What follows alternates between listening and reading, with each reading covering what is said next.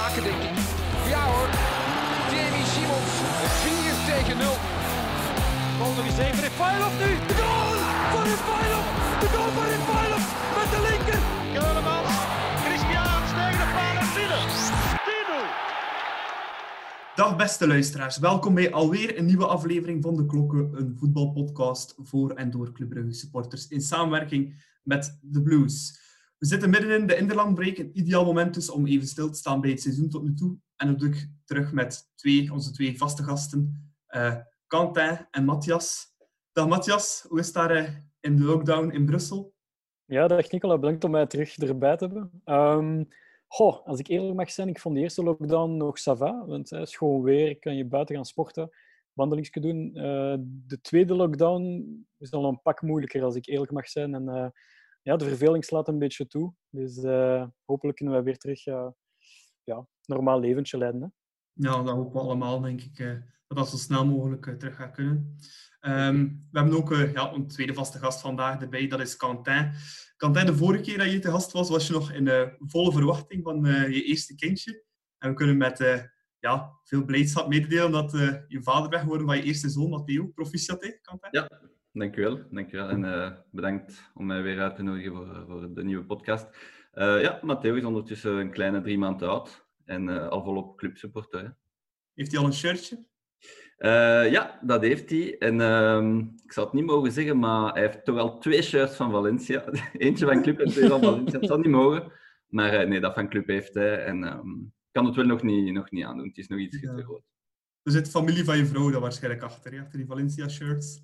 Ja, ja, ja, inderdaad. En eh zijn we binnen een jaar of 16, 17 eh, schitteren als de nieuwe ster van eh club, denk je? Ja, als Club hem komt wegplukken uit een academie hier in het Brusselse of zo, waarom niet? Het zal toch geen Parvetta-academie zijn, hè? Nee, nee, nee, nee, nee. Dat, is, dat is tegen mijn principes. Ah, oké, dat is goed. En wanneer mag hij voor de eerste keer meekomen naar Jan Breidel? Zal het nog het oude of het nieuwe stadion zijn, denk je? Goh, ja, ik hoop het nieuwe, uiteraard. Ehm, maar ik zou zeggen binnen een jaar of tien zeker, zoiets. Iets voor misschien acht. Ja, zoiets. Dat lijkt me de ideale leeftijd voor de eerste keer van te proeven. hè. Ja, behalve als hij heel fel aandringt om vroeger te kunnen. Nou, ik weet niet vanaf wanneer kinderen eigenlijk naar het stadion mogen. Zit daar een leeftijdslimiet op? Ik, ik denk het echt niet. Mijn papa heeft mij voor de eerste keer meegepakt toen ik drie jaar was, denk ik. En is eind jaren 19. Het was een kampioenenmatch tegen Lierse. Eh, of een heel belangrijke wedstrijd tegen Lierse. En ik ben blijkbaar in slaap gevallen. eh. Slechte supporter. oké. Dus ja, ik denk dat er niet echt een uh, leeftijd staat. Maar ja, het moet natuurlijk ook praktisch eh, haalbaar zijn, denk ik. Ik denk Ja. niet dat zo, met zo'n heel klein manneke dat dat zo makkelijk is om die eh, zomaar mee te pakken het. Ja. La- laat ons stellen dat als Matteo het huidige Jan Breidel nog, nog kent, dan zitten we met een probleem. Ja, voilà. laten we hopen dat Jan Breidel 2.0 zal zijn eh, tegen Ja, dan. ja absoluut. Voilà, zoals ik net al zei in de intro, eh, het is interlandvoetbal, het is tijd eh, om een keer te reflecteren over het seizoen tot nu toe. Ehm, ja, eerst en vooral die interlandwedstrijden op zich. Eh, Matthias, hoe verantwoord slash onverantwoord is het eigenlijk dat die nog doorgaan? Ja, Met ik heb daar- corona en heel de ja, Goh, zaken daar. Ja, ik heb daar een heel duidelijke mening over. Ik vind dat compleet onverantwoord. Ehm, dat ze de Nations League er toch proberen in te pompen met al het geld, met alle, met alle contracten, mediacontracten ook, en, en et cetera. Tot, tot daaraan toe, alhoewel ik het nog altijd heel onverantwoord vind. Maar als je daar bovenop nog eens minstens één vriendschappelijke wedstrijd eraan toevoegt, dus eigenlijk drie wedstrijden in totaal met verschillende bubbels. We gaan straks eh, het voorbeeld nemen, het schoolvoorbeeld nemen van een Charles de Ketelaar die in twee verschillende bubbels zit. Ik vind dat gewoon ja, totaal onverantwoord. Eh, het is ook zeker niet positief voor ons voetbal, want wij, allee, Club Brugge en de andere clubs in België willen blijven voetballen tot het einde van het seizoen. Maar met zo'n met dergelijke eh, beslissingen en zaken is het eh, compleet eh, negatief en nefast voor het voetbal. Dus eh, ik ben daar volstrekt tegen. En, en daarom is ook de, de, de goesting om naar de Belgen te kijken en andere eh, interlands een stuk minder, moet ik toegeven. Ik ga eventjes advocaat van de duivel spelen. Matthias, stel nu dat... ehm, ze, ze spraken over 200 miljoen euro verlies. Hè, moesten, moesten de interlands in, in deze coronaperiode ehm, afschaffen. Ehm, stel nu dat met die tweede 200 miljoen euro, dat de UEFA daarmee eh, een groot deel van de, de Champions League ehm, inkomsten van de clubs betaalt. Uh, zou je dan um, ja, nog altijd bereid zijn om het interland voetbal af te schaffen als dat ja, min 15 miljoen euro voor Club Brugge zou betekenen? Nee, pas op, ik, ik vind het compleet onverantwoord. Aan de andere kant snap ik ook dat ze het doen, want ze moeten het doen. Het is contractueel gezien. En zoals je zelf aangeeft, uh, misschien gaan ze dat geld afpakken van de Champions League of wie weet van andere zaken. Dus ze moeten het doen, maar mijn mening blijft hetzelfde. Ik vind het onverantwoord. Als ik nu een oplossing heb, dat is nog een heel andere vraag. Maar uh, nee, het spreekt voor zich dat ze dat moeten behouden. Maar ja, ik vind het gewoon spijtig voor wat, wat er allemaal gebeurt in de wereld. Ja. Ja, dat we ons kunnen aanpassen aan de ja, uh, gezondheidsproblematiek die, die er gaande is. Ja. Ja. ja. Allee, ik, ik volg Matthias al een beetje in zijn betoog. Um, de Nations League tot daar aan toe, ik nog. Allee, het is op zich een competitie die ik al allee, persoonlijk uh, een beetje artificieel vind. Want bon, hij is er, hij moet gespeeld worden. Um, maar die oefenwedstrijden daar, ja, daar, daar versta ik gewoon echt helemaal niks van. Dat is uh, volledig van de pot gerukt dat die nog gespeeld worden, denk ik. Ja, ja inderdaad. Ja. Nu, um, we hebben verschillende internationals bij club. We hebben uh, de vier Belgen, Mignolet, Mechelen, de Ketelaren en... Um, Van Aken. En Van Aken. Onze schoen vergeet ik nog. uh, we hebben ook uh, Kremenchik, Sobol, Horvat. Die blijven allemaal in Europa. Dan hebben we ook nog uh, Deli Kosunu, Diatta en Dennis. Die trekken dan helemaal naar Afrika, waar dat je... Ja, soms... Allee, ik wil niets te niet doen van aan het continent Afrika, maar faciliteiten en de voorzorgsmaatregelen kan ik me niet inbeelden dat die daar even goed zijn als hier. Um, ja, moeten we ons daar niet extra zorgen om maken? Nu bleek ook voor dat Sobbel al uh, positief heeft getest.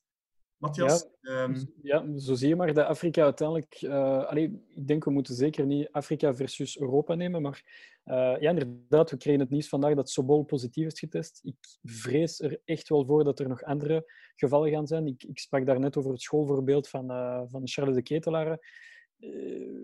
dat zijn twee bubbels, dat zijn twee keer twintig andere ploegmaats met wie ja, in principe zelf drie, want als je, als je de Club Brugge ja. bijrekent, ja, dat is waar. U21 en Rode Duivels, drie bubbels op pakweg een goede week tijd. Hè? Op, op twee weken tijd, dus ja. allee, dat is totaal onverantwoord. En oké, okay, pas op, hè. jongensdroom van Charles de Ketelaar. Hij mocht voor de eerste keer mee met de Rode Duivel spelen voor Garme. Hoeveel was het? Drie of vier minuten. Pas op, heel positief voor hem. Hij heeft zijn eerste cap, dat is helemaal binnen. Maar aan de andere kant, als je iemand oproept voor vier minuutjes, terwijl dat we in een hele uh, coronapandemie zitten momenteel, drie bubbels op twee weken tijd, dat is uh, compleet geschift eigenlijk. Dus uh, ik vrees ervoor en ik vrees voor nog meer gevallen dan enkel Sobol. Ik denk dat ik niet alleen, maar zeker onze coach Philippe Clement, die er vaak op hamert, dat hij met een zeer bang hartje de, de resultaten afwacht van de, van de nieuwe COVID-testen. Maar uh, ja, ik vrees voor meer gevallen, eerlijk ja, en, en, en, de uh, Club Next en Club A-ploeg, worden die als één bubbel beschouwd? Want er, er zijn spelers van de A-ploeg die, die onlangs met, met Club Next hebben gespeeld. Ik denk aan Badji. Uh, ja. Dus die, die, die zitten ook uh, in verschillende bubbels. Dan. Ik, ik denk dat ze deel uitmaken van hetzelfde bubbel, want je ziet vaak Instagram-verhalen ook, um, waarbij dat Next-spelers zoals Van den Keibus, uh, Van den Bremt, de Kuiper, die trainen allemaal ook um, in, de, in Belfius Basecamp. Dus ik denk wel dat Next en Akern samen één bubbel zijn. Ja, maar ik. Next traint sowieso volledig in Basecamp, denk ik. Ook. Ja, ja. ja. ja. ja.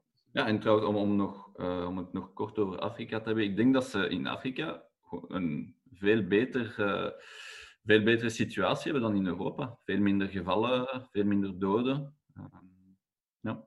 Ja, dat is Ik weet niet hoe dat, dat komt, maar...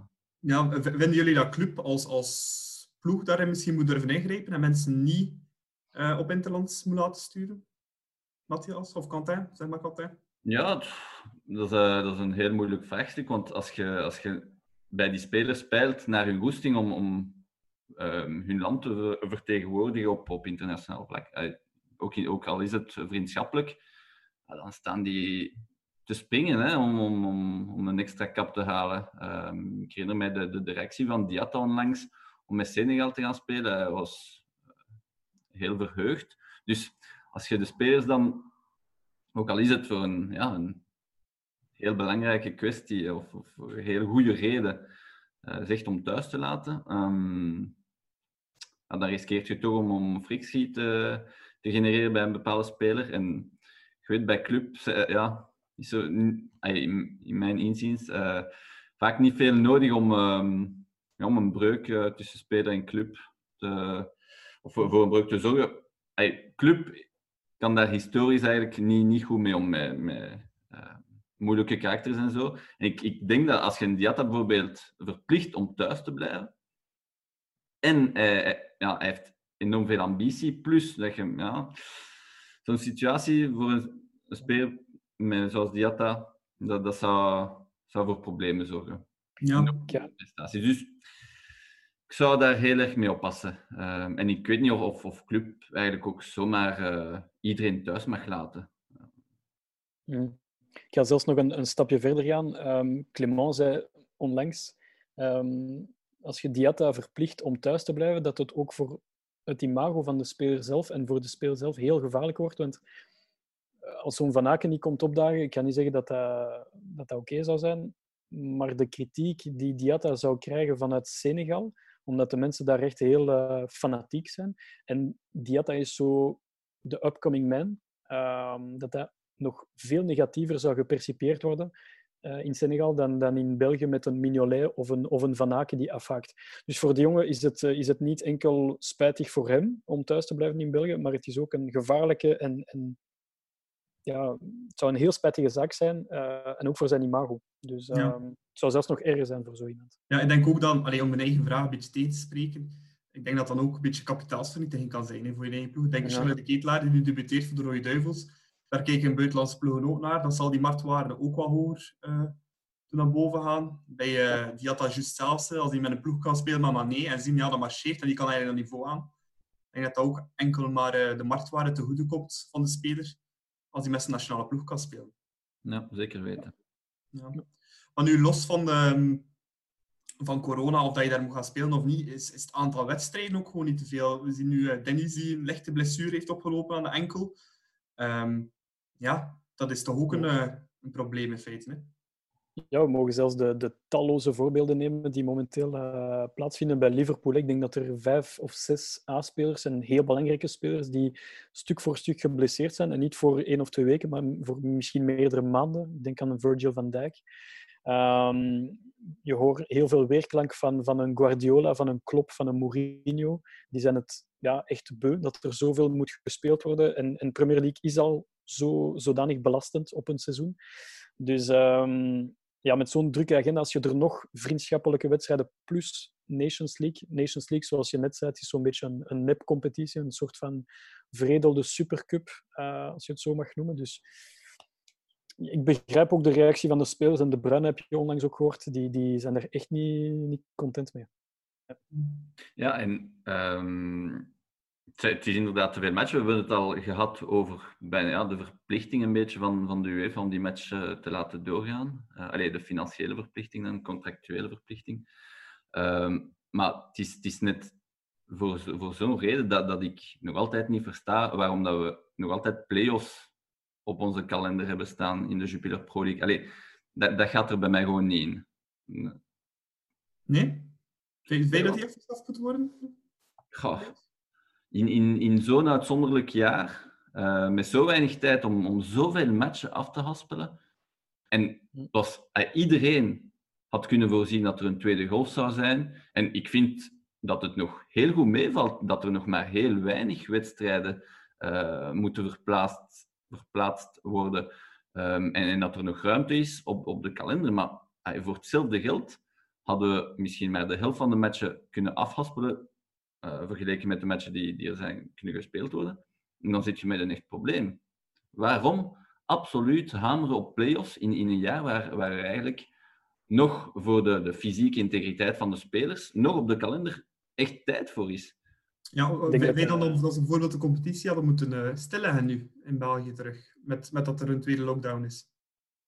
Goh, dan nu ook niet, want allee, ik, ik vind dat speler, uh, spelen zonder publiek, dat dat mogelijk moet zijn. Hè, maar voor hetzelfde geld, uh, ja, werd er, of, of gebeurde het bij club of, of bij Anderlecht, wat er bij Moskou is gebeurd, drie matchen op een rij verplaatst. En, en dan zit je snel aan, aan, aan een nog overvollere kalender. Maar oké, als je dan naar eh, 34 matchen gaat, is dat haalbaar. Maar je moet, naar- je moet 40 matchen afhaspelen. Ja, Maar dat zal er geen 40 zijn nu. Ehm, eh, dus hoeveel? het, het zijn ook maar vier playoff ploegen. Hè. Dus het zijn maar zes matchen playoffs. Ja. Ja. En twee matchen, dat is 34. eigenlijk twee matchen minder dan een normaal seizoen eh, in de Jupiler Pro League. Dus 38. Denk ik. Als We ik zitten juist- toch met, als ik we juist- zitten- we zitten toch met 18 ploegen. Het zijn er 34 plus 6. Ja, ja, nee, inderdaad. Nee, Ja. toch niet. Het zijn er Ik dacht Maar dat, ik, dat ik niet meer kon rekenen. Ja, sorry, nee. ik, eh, wiskunde is nooit mijn sterkste vak geweest. Dus blijkbaar, eh, ja, Michel Louagie en, en eh, misschien ook Peter Genk. Kronen van Racing Genk, die, Ja. die, voor wie dat, dat een absolute prioriteit was om, om die play-offs te behouden en, en daarmee ook club hebben gechanteerd, hè, blijkbaar. Hm. Maar het gaat er bij mij niet in waar, ja, waar, waarom de andere clubs daarin zijn meegegaan. Ja, zit je dan niet in, in hetzelfde schuitje, like, like die Nations League, dat je zegt van ja, het gaat dan puur om financieel ook, hè, dat die, dat die playoffs moeten gespeeld worden. Want als speler niet gespeeld, dan dat tv-contract met Eleven Sports, alleen dan kunnen die ook wel, en onverstaanbare reden, ook wel een deel van hun geld daarop terug eisen. Want Ja. allee, in België doet het er bij wijze van spreken echt maar toe in de playoffs en iedereen kijkt er ook naar uit. Um, Matthias, hoe denk jij daarover? Nee, ik, ik volg Contaan volledig in zijn, in zijn redenering. Ik, ik vond dit was het perfect jaar uh, om, om, en zelfs volgend jaar eigenlijk ook, om geen play-offs uh, te spelen. En ik denk, en ik zeg dat niet omdat ik pro-club ben, maar ik denk dat, dat het de oplossing van Bart Verhagen en Vincent Mannaert, die ze hebben voorgelegd via mail aan de Pro League, dat dat niet gewoon een, een voordelig voorstel was voor club, maar gewoon voor heel België. En ik vind het spijtig dat ze zo ja, sorry, hun broek hebben afgezakt voor, voor, voor Genk en Gent om toch die titel binnen te halen. En dat maakt ook dat de, dat de clubtitel, ik kan niet zeggen dat dat een coronatitel is, maar het geeft veel minder glans. Uh, en ze hebben het toch gedaan voor de supporters, voor de premie, voor de Champions League. Dus uiteindelijk moesten ze het ook doen. Maar um, ik volg Quentin volledig in zijn mening dat, dat dit het jaar was om eindelijk eens te stoppen met die vriendschappelijke wedstrijden, te stoppen met de Nations League, te stoppen met de play-offs en eens gewoon op een beredeneerde manier uh, minder wedstrijden af te haspelen en zich te focussen op de essentiële wedstrijden. Maar je zit altijd met contracten, met geld, met financieel, et cetera. Dus je mag het zo niet, niet van, de, van de kaart vegen. Ja. ja, en dat maakt het natuurlijk niet altijd even makkelijk. Dus ja, ik, ik zelf, ik dan aan de andere kant, ik ben wel een voorstander van die play-offs. Uh, maar ja, het is uh, er voor- en tegenstanders van. Ik denk dat er wel... Ben je, Nico, ben je niet van mening dat dit jaar die play-offs toch hadden moeten afgeschaft worden? Goh, Specifiek? Um, ja, ja, misschien wel, misschien wel, maar dan ook maar voor één jaar. Daar ben ik dan ook ja, wel... Ja. Daar sta ik ja, dat was, Want ik vind niet dat het voorstel. dat corona een excuus mag zijn om volledig te kappen met de play-offs. Zo... Nee, nee, nee. nee. Mm -hmm. Zeker niet. Nee, nee, daar ben ik... Allee, ik hou ook van die spanningen van de play-offs en alles bij elkaar. Ik ben nog altijd van mening dat punten delen door twee, dat is gewoon unfair. Dat, nee, daar ben, ik, gewoon... daar ben ik volledig mee akkoord. Maar, uh... nou, dit is tegen de wetten van, het sport, van de sport. Um, maar zoals je zelf zegt, dat dat een tijdelijke oplossing was voor één, max twee jaar. En dat je daarna terug de draad weer oppikt met uh, 16 ploegen, met play-offs, met uh, alles erop en eraan. En dat je dan ook een heel grote spanning krijgt met te veel ploegen in het begin. En dan plots heel veel degradatieploegen. Dus ja, dat maakt het ook leuk. En je ziet ook de ploegen die van DNB komen, ik denk aan een Beerschot, aan een OHL, ja, die trekken wel de, het niveau naar omhoog. En ik denk als een Union bijvoorbeeld naar een DNA uh, komt volgend jaar, dat dat ook het niveau naar omhoog trekt. Dus uh, dat zijn zeker niet de, de DNB-ploegen die komen die, die het niveau gaan verlagen. Nee, is ook al een paar jaar zo. KV Mechelen heeft ook gedaan uh, voor ja. het seizoen. Um, dat, allee, de ploegen uit DNB doen het vaak heel goed. Nu, één iets heel positiefs aan deze interlandbreak vind ik wel het debuut van, uh, want net al kort gezegd, het debuut van uh, Charles de Ketelaar bij uh, de Rode Duivels. Um, terechte selectie, denk ik allemaal, maar um, had hij niet eerder mogen komen als je dat vergelijkt bijvoorbeeld met pakweg een Jari Verscharen, die wel heel vroeg zijn debuut heeft kunnen maken. Kan hij? Ja, ja, ja. Hij, vooral op, basis van, van vorig seizoen dan. Hè, want hij, heeft, heeft een beetje tijd nodig gehad dit jaar om op gang te, te komen. Um, vond ja, zijn, zijn goal tegen Zenit uiteraard een, eerste hoogtepunt. Want ik vond hem in, in, de eerste weken, maanden van, van de, de competitie ja, nog, niet, nog niet indrukwekkend. Op basis van vorig jaar zou hij nog voor Jari Verscharen eigenlijk een, een, een selectie verdiend hebben. Ehm, uiteraard, nu, nu dat hij een beetje op dreef begint te komen, ik, ik weet niet of dat het vermoeidheid was of dat typje na, na zijn fantastisch debuutjaar, maar nu, nu, nu komt hij weer, eh, weer boven water en is het absoluut verdiend. Hè. Ehm, ook al heeft hij maar inderdaad een paar minuutjes in de toegevoegde tijd mogen meespelen. Ehm, tegen Zwitserland was het. Um, nee, absoluut verdiend. Uh, ja. Matthias, vind je dat die uh, eerste selectie op tijd komt? Ja en nee. Uh, ik ga het proberen te nuanceren. Ik vind ja, omdat, omdat als je ziet wat Martinez allemaal heeft gehaald de voorbije maanden, ik denk aan uh, Verscharen, Di Matta, Delcroix, um, niet enkel andere spelers, hoor. het zijn er nog andere dat ik denk van oei, um, dan denk ik dat de ketelaar het absoluut verdient. En ik vind het ook prachtig voor de jongen dat hij eindelijk uh, ja, dat vakje ook mag aanvinken van oké, uh, eerste cap, Rode Duivel, dat is, dat is prachtig voor de jongen. Het is ook een droom die uitkomt. Aan de andere kant vind ik het ook iets te vroeg. Um, ik ben van mening dat je, dat je normaal in een normaal leven um, pas Rode Duivel mag worden als je echt één seizoen of minstens een half seizoen echt een dominante uh, A-speler bent en een echte titularis bent bij je, bij je club. Wat nog niet het geval is bij de ketelaar, maar dat, dat zal zeker komen. Uh, maar ik denk, en daar begrijp ik ook Martinez, in tijden van je hebt de oude generatie met een uh, Jan Vertongen, met een Mignolet, met een Witzel, uh, met een Dries Mertens. Dus dat zijn allemaal mensen die tussen de 31 en de 35 zijn. Dan moet je ook denken aan de jonge generatie en moet je nu niet twee jaar wachten om ze uh, in de ploeg te zetten. Dus daarom snap ik ook de redenering van Martinez om te zeggen van oké, okay, ik, ik, ik neem er misschien te jonge spelers erbij, zodanig dat ze kunnen proeven aan oké, okay, wat is het om nu Rode Duivel te zijn, gemengd met een Lukaku, een Vertongen, een Charlie enzovoort. Dus ik snap ja, maar... de intentie van Martinez.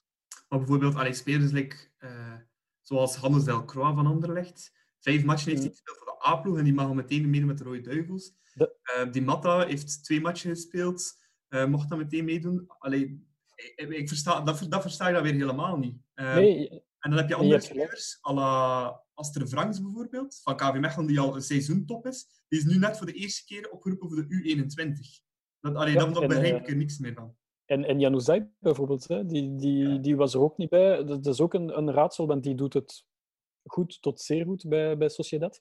Dus ja, je hebt zo van die rare keuzes. Uh, pas op, ik probeer er nooit een, een complot in te zien natuurlijk. Maar uh, zoals je, je noemde het net op, hè, Di Matta, het, het blijft een absolute raadsel waarom dat Di Matta werd opgeroepen.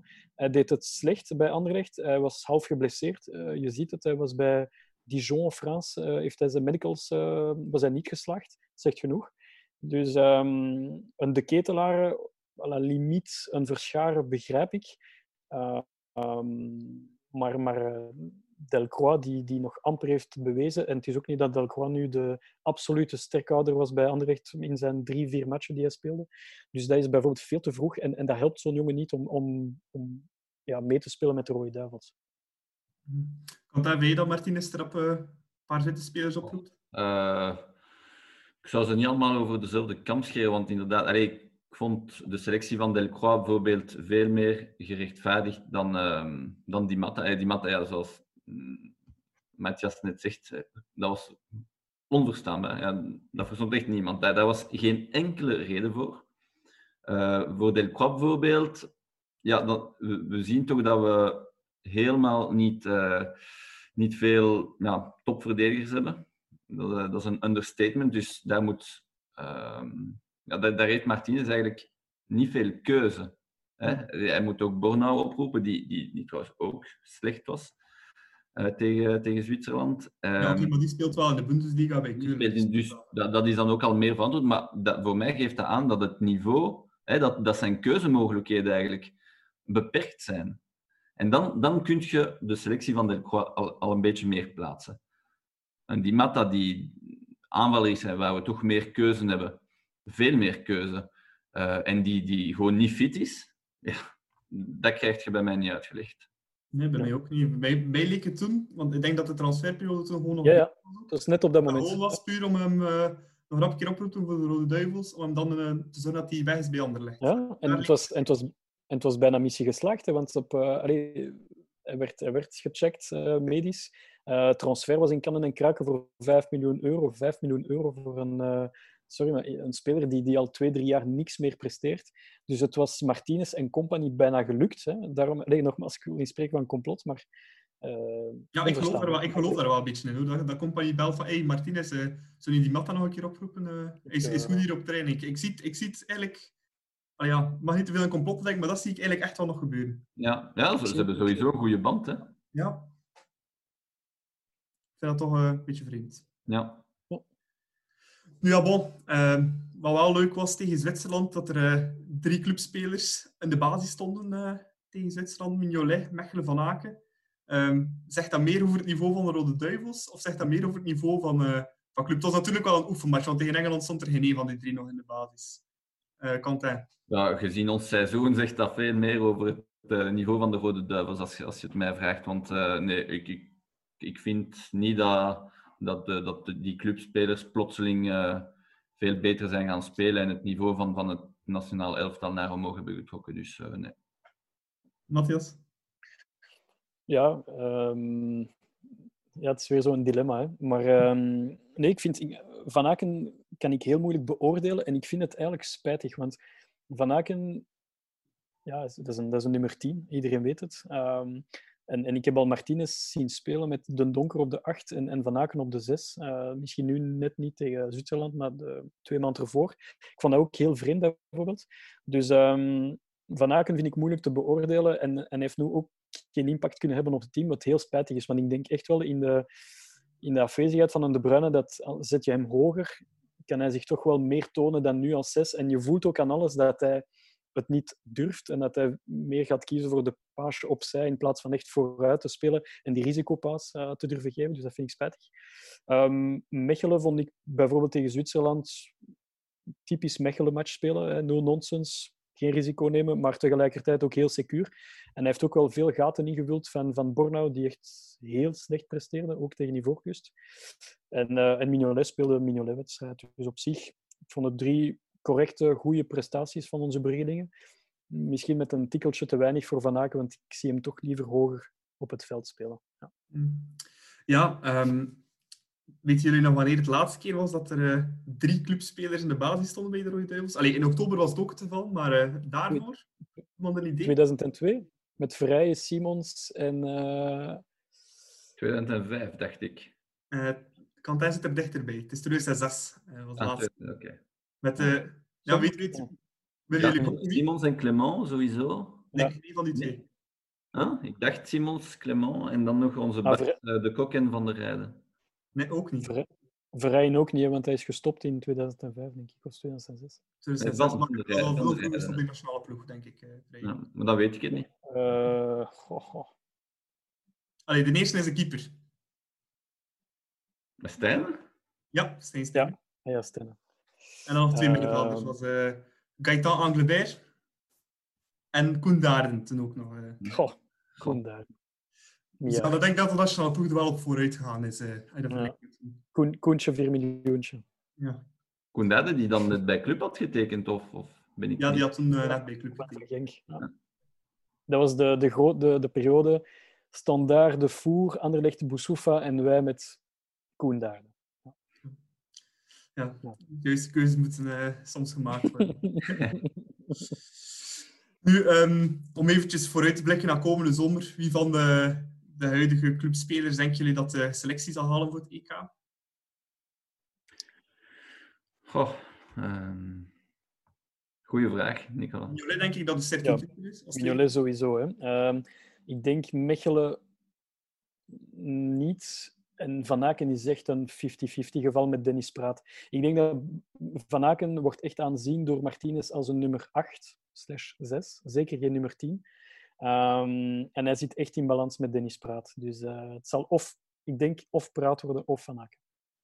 Ja, en geen, eh, ja, als de ketelaar nu nog de pannen van tak speelt dit seizoen, kunnen halen? Dan moet hij echt de pannen van tak spelen. Maar ehm, ik denk dat er voor de plek van de ketelaren te veel concurrentie zit om...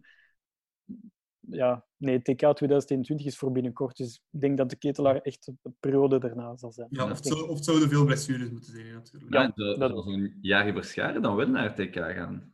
Ja, wel, want die wordt altijd opgeroepen, hè, denk ik. Heb ik de indruk de laatste, laatste jaar? Dat zou toch, zou toch niet mogen, hè? Allee, nee, het is niet dat hij klaar is voor een EK. Hè? Jari Verscharen. Ook de ketelaren niet, hè, sorry, maar op dit moment geen een van de twee, toch? Nee, maar Martinez heeft al meerdere keren eh, laten voelen van ik, ik heb liever een jonge belofte die op termijn een, een meerwaardespeler zal zijn voor de Rode Duivels dan iemand als Van Aken die 28 jaar oud is, die, het, eh, die al vijf jaar in, of nog meer in België speelt. Dus ik, eh, Ja, als, hij, als hij Verscharen één boven Van Aken zou onverantwoord zijn. om, op, om op een toernooi te gaan spelen, dan heb ik toch iets, iets meer ervaring. Wil ik toch iets meer ervaring in Ja, ik, heb, ik ook. Ik heb, liever, ik heb veel liever eh, plots een Van Aken zien opdraven op het veld dan een jaar Verscharen.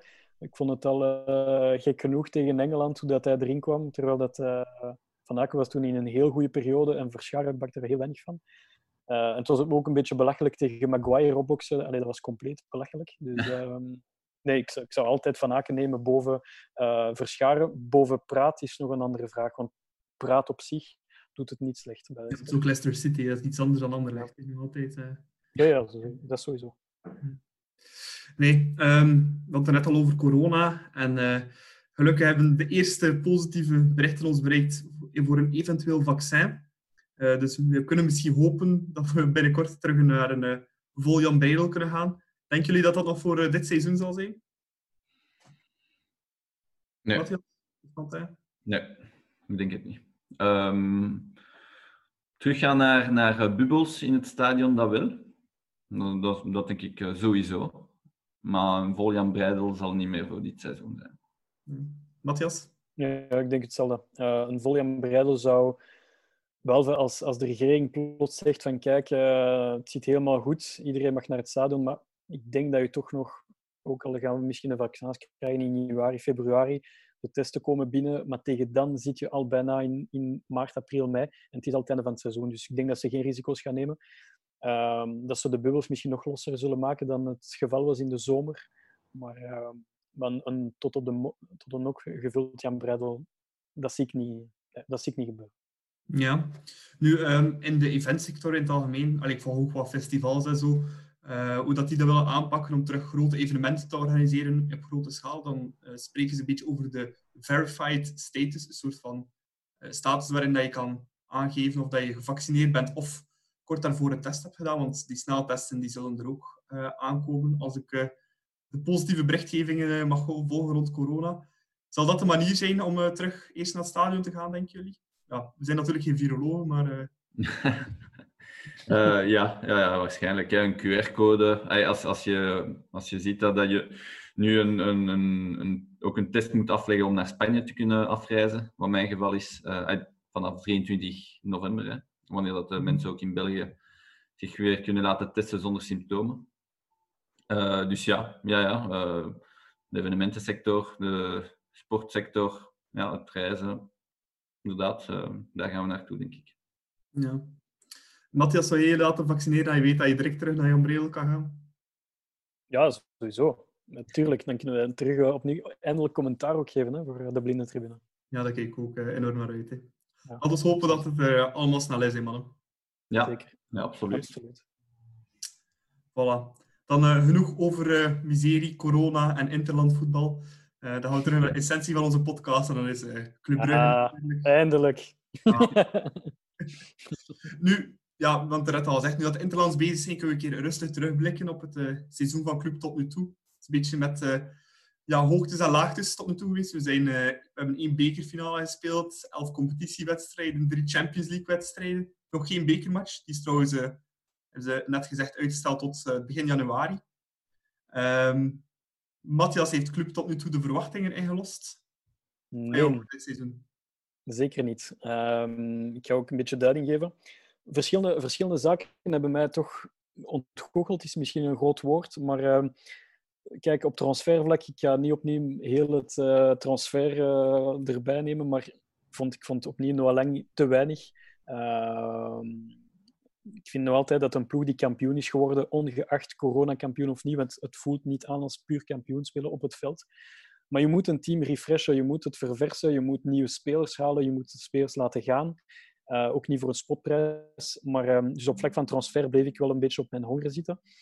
Um, de bekerfinale was al een, een hele grote afknapper. Ik heb het live meegemaakt met Quentin uh, bij mij thuis. Dat was, dat was gewoon, ja, een, een, gewoon geen, geen wedstrijd. En zeker die eerste helft van club.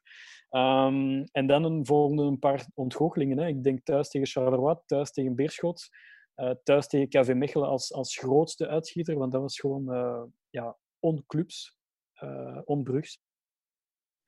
Dus uh, toch wel heel sterk ontgoocheld. Aan de andere kant, de uitschieter in de positieve zin van het woord vind ik dan natuurlijk die, die uitwedstrijd in Zenit Sint-Petersburg, waar club zijn hart en zijn mentaliteit heeft getoond. En als je dat vergelijkt met Antwerp bijvoorbeeld en, en, en KV Mechelen, ik denk dat de contrast niet uh, groter kan zijn. Dus ja, toch wel te veel teleurgesteld en niet genoeg positief uh, verrast of positief geluk.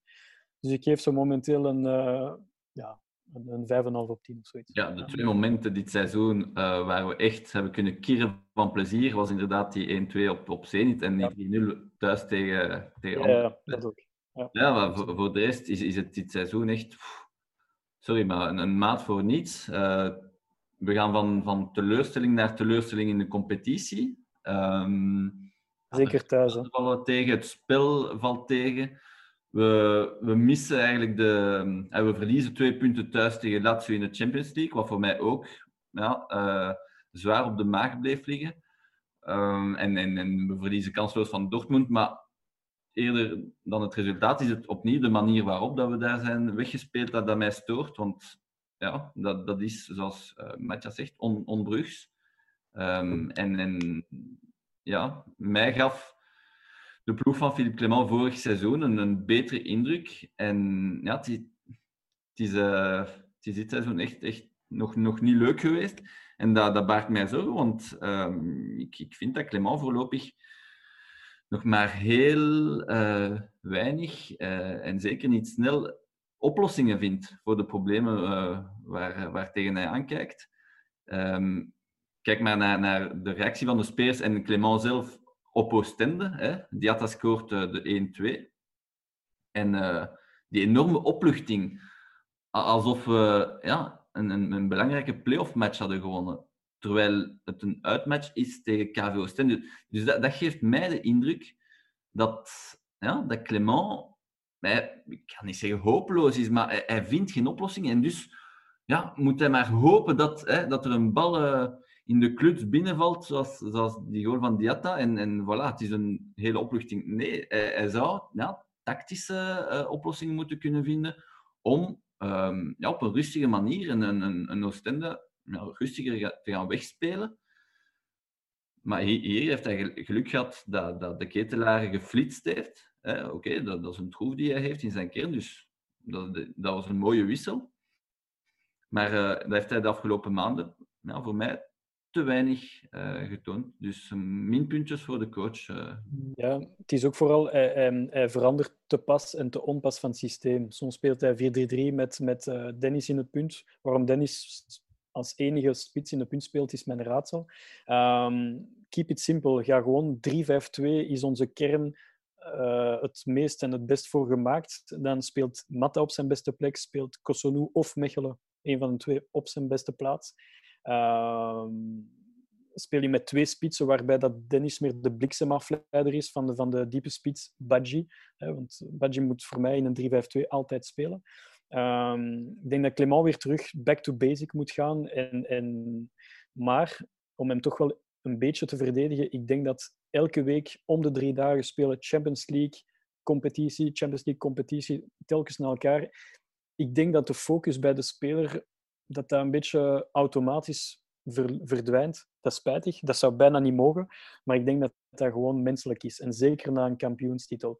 En daarom hamerde ik zwart op op die nieuwe transfers. Om een, een soort van ja, refresh te krijgen in, in de kern. Om toch die nieuwe ambities te kunnen hebben om niet enkel in de Champions League, maar ook in de Jupiler Pro League het verschil te maken. Ja. ja. Wat, vinden jullie dan dat het grootste probleem is op dit moment? Is dat dan geen scorende spits hebben? Of, of is dat te veel wisselen van tactiek, zoals Matthias zegt? Um, ik weet niet of, of, of een schone spits nu alle problemen zou oplossen. Het zou één van de problemen uh, oplossen, sowieso. Maar het is de fut die uit het team is verdwenen. Hè. Uh, een vormer die, die, die ja, hoogtes en laagtes kent dit seizoen. Van Aken die in slechte periodes compleet onzichtbaar, zelfs slecht speelt. Dat, dat komt er maar zelden over, maar ja, het gebeurt. Een Diatta die, die helemaal niet meer flitst, hè, ondanks een goal tegen Oostende. Ik, ik zei het nog tegen Matthias toen we naar de match keken. Um, op, bij, ja, onder Leco was Diatta bijvoorbeeld een speler die, uh, ja, die af en toe op, op snelheid of op techniek zijn man voorbij ging. Er, er zat een verrassingseffect in zijn, in zijn spel. Nu is dat totaal weg. Um, hij krijgt de bal, hij staat stil en probeert dan ja, met een heupbeweging een dribbel op te zetten. Of, ja. Maar het is zo voorspelbaar geworden. En, uh, en alles wat Club Brugge voorlopig doet, is voorspelbaar. En, en ja, ik, ik, mis, ik mis nieuwe zaken in, in, in de aanpak, in de opstelling, in de tactiek. Um, het enige uh, nieuwe dat, dat, we wel hebben uh, kunnen noteren tegen Oostende, Matthias, waren die korte corners. Dus geen, geen lange corners van Vormer meer, korte corners.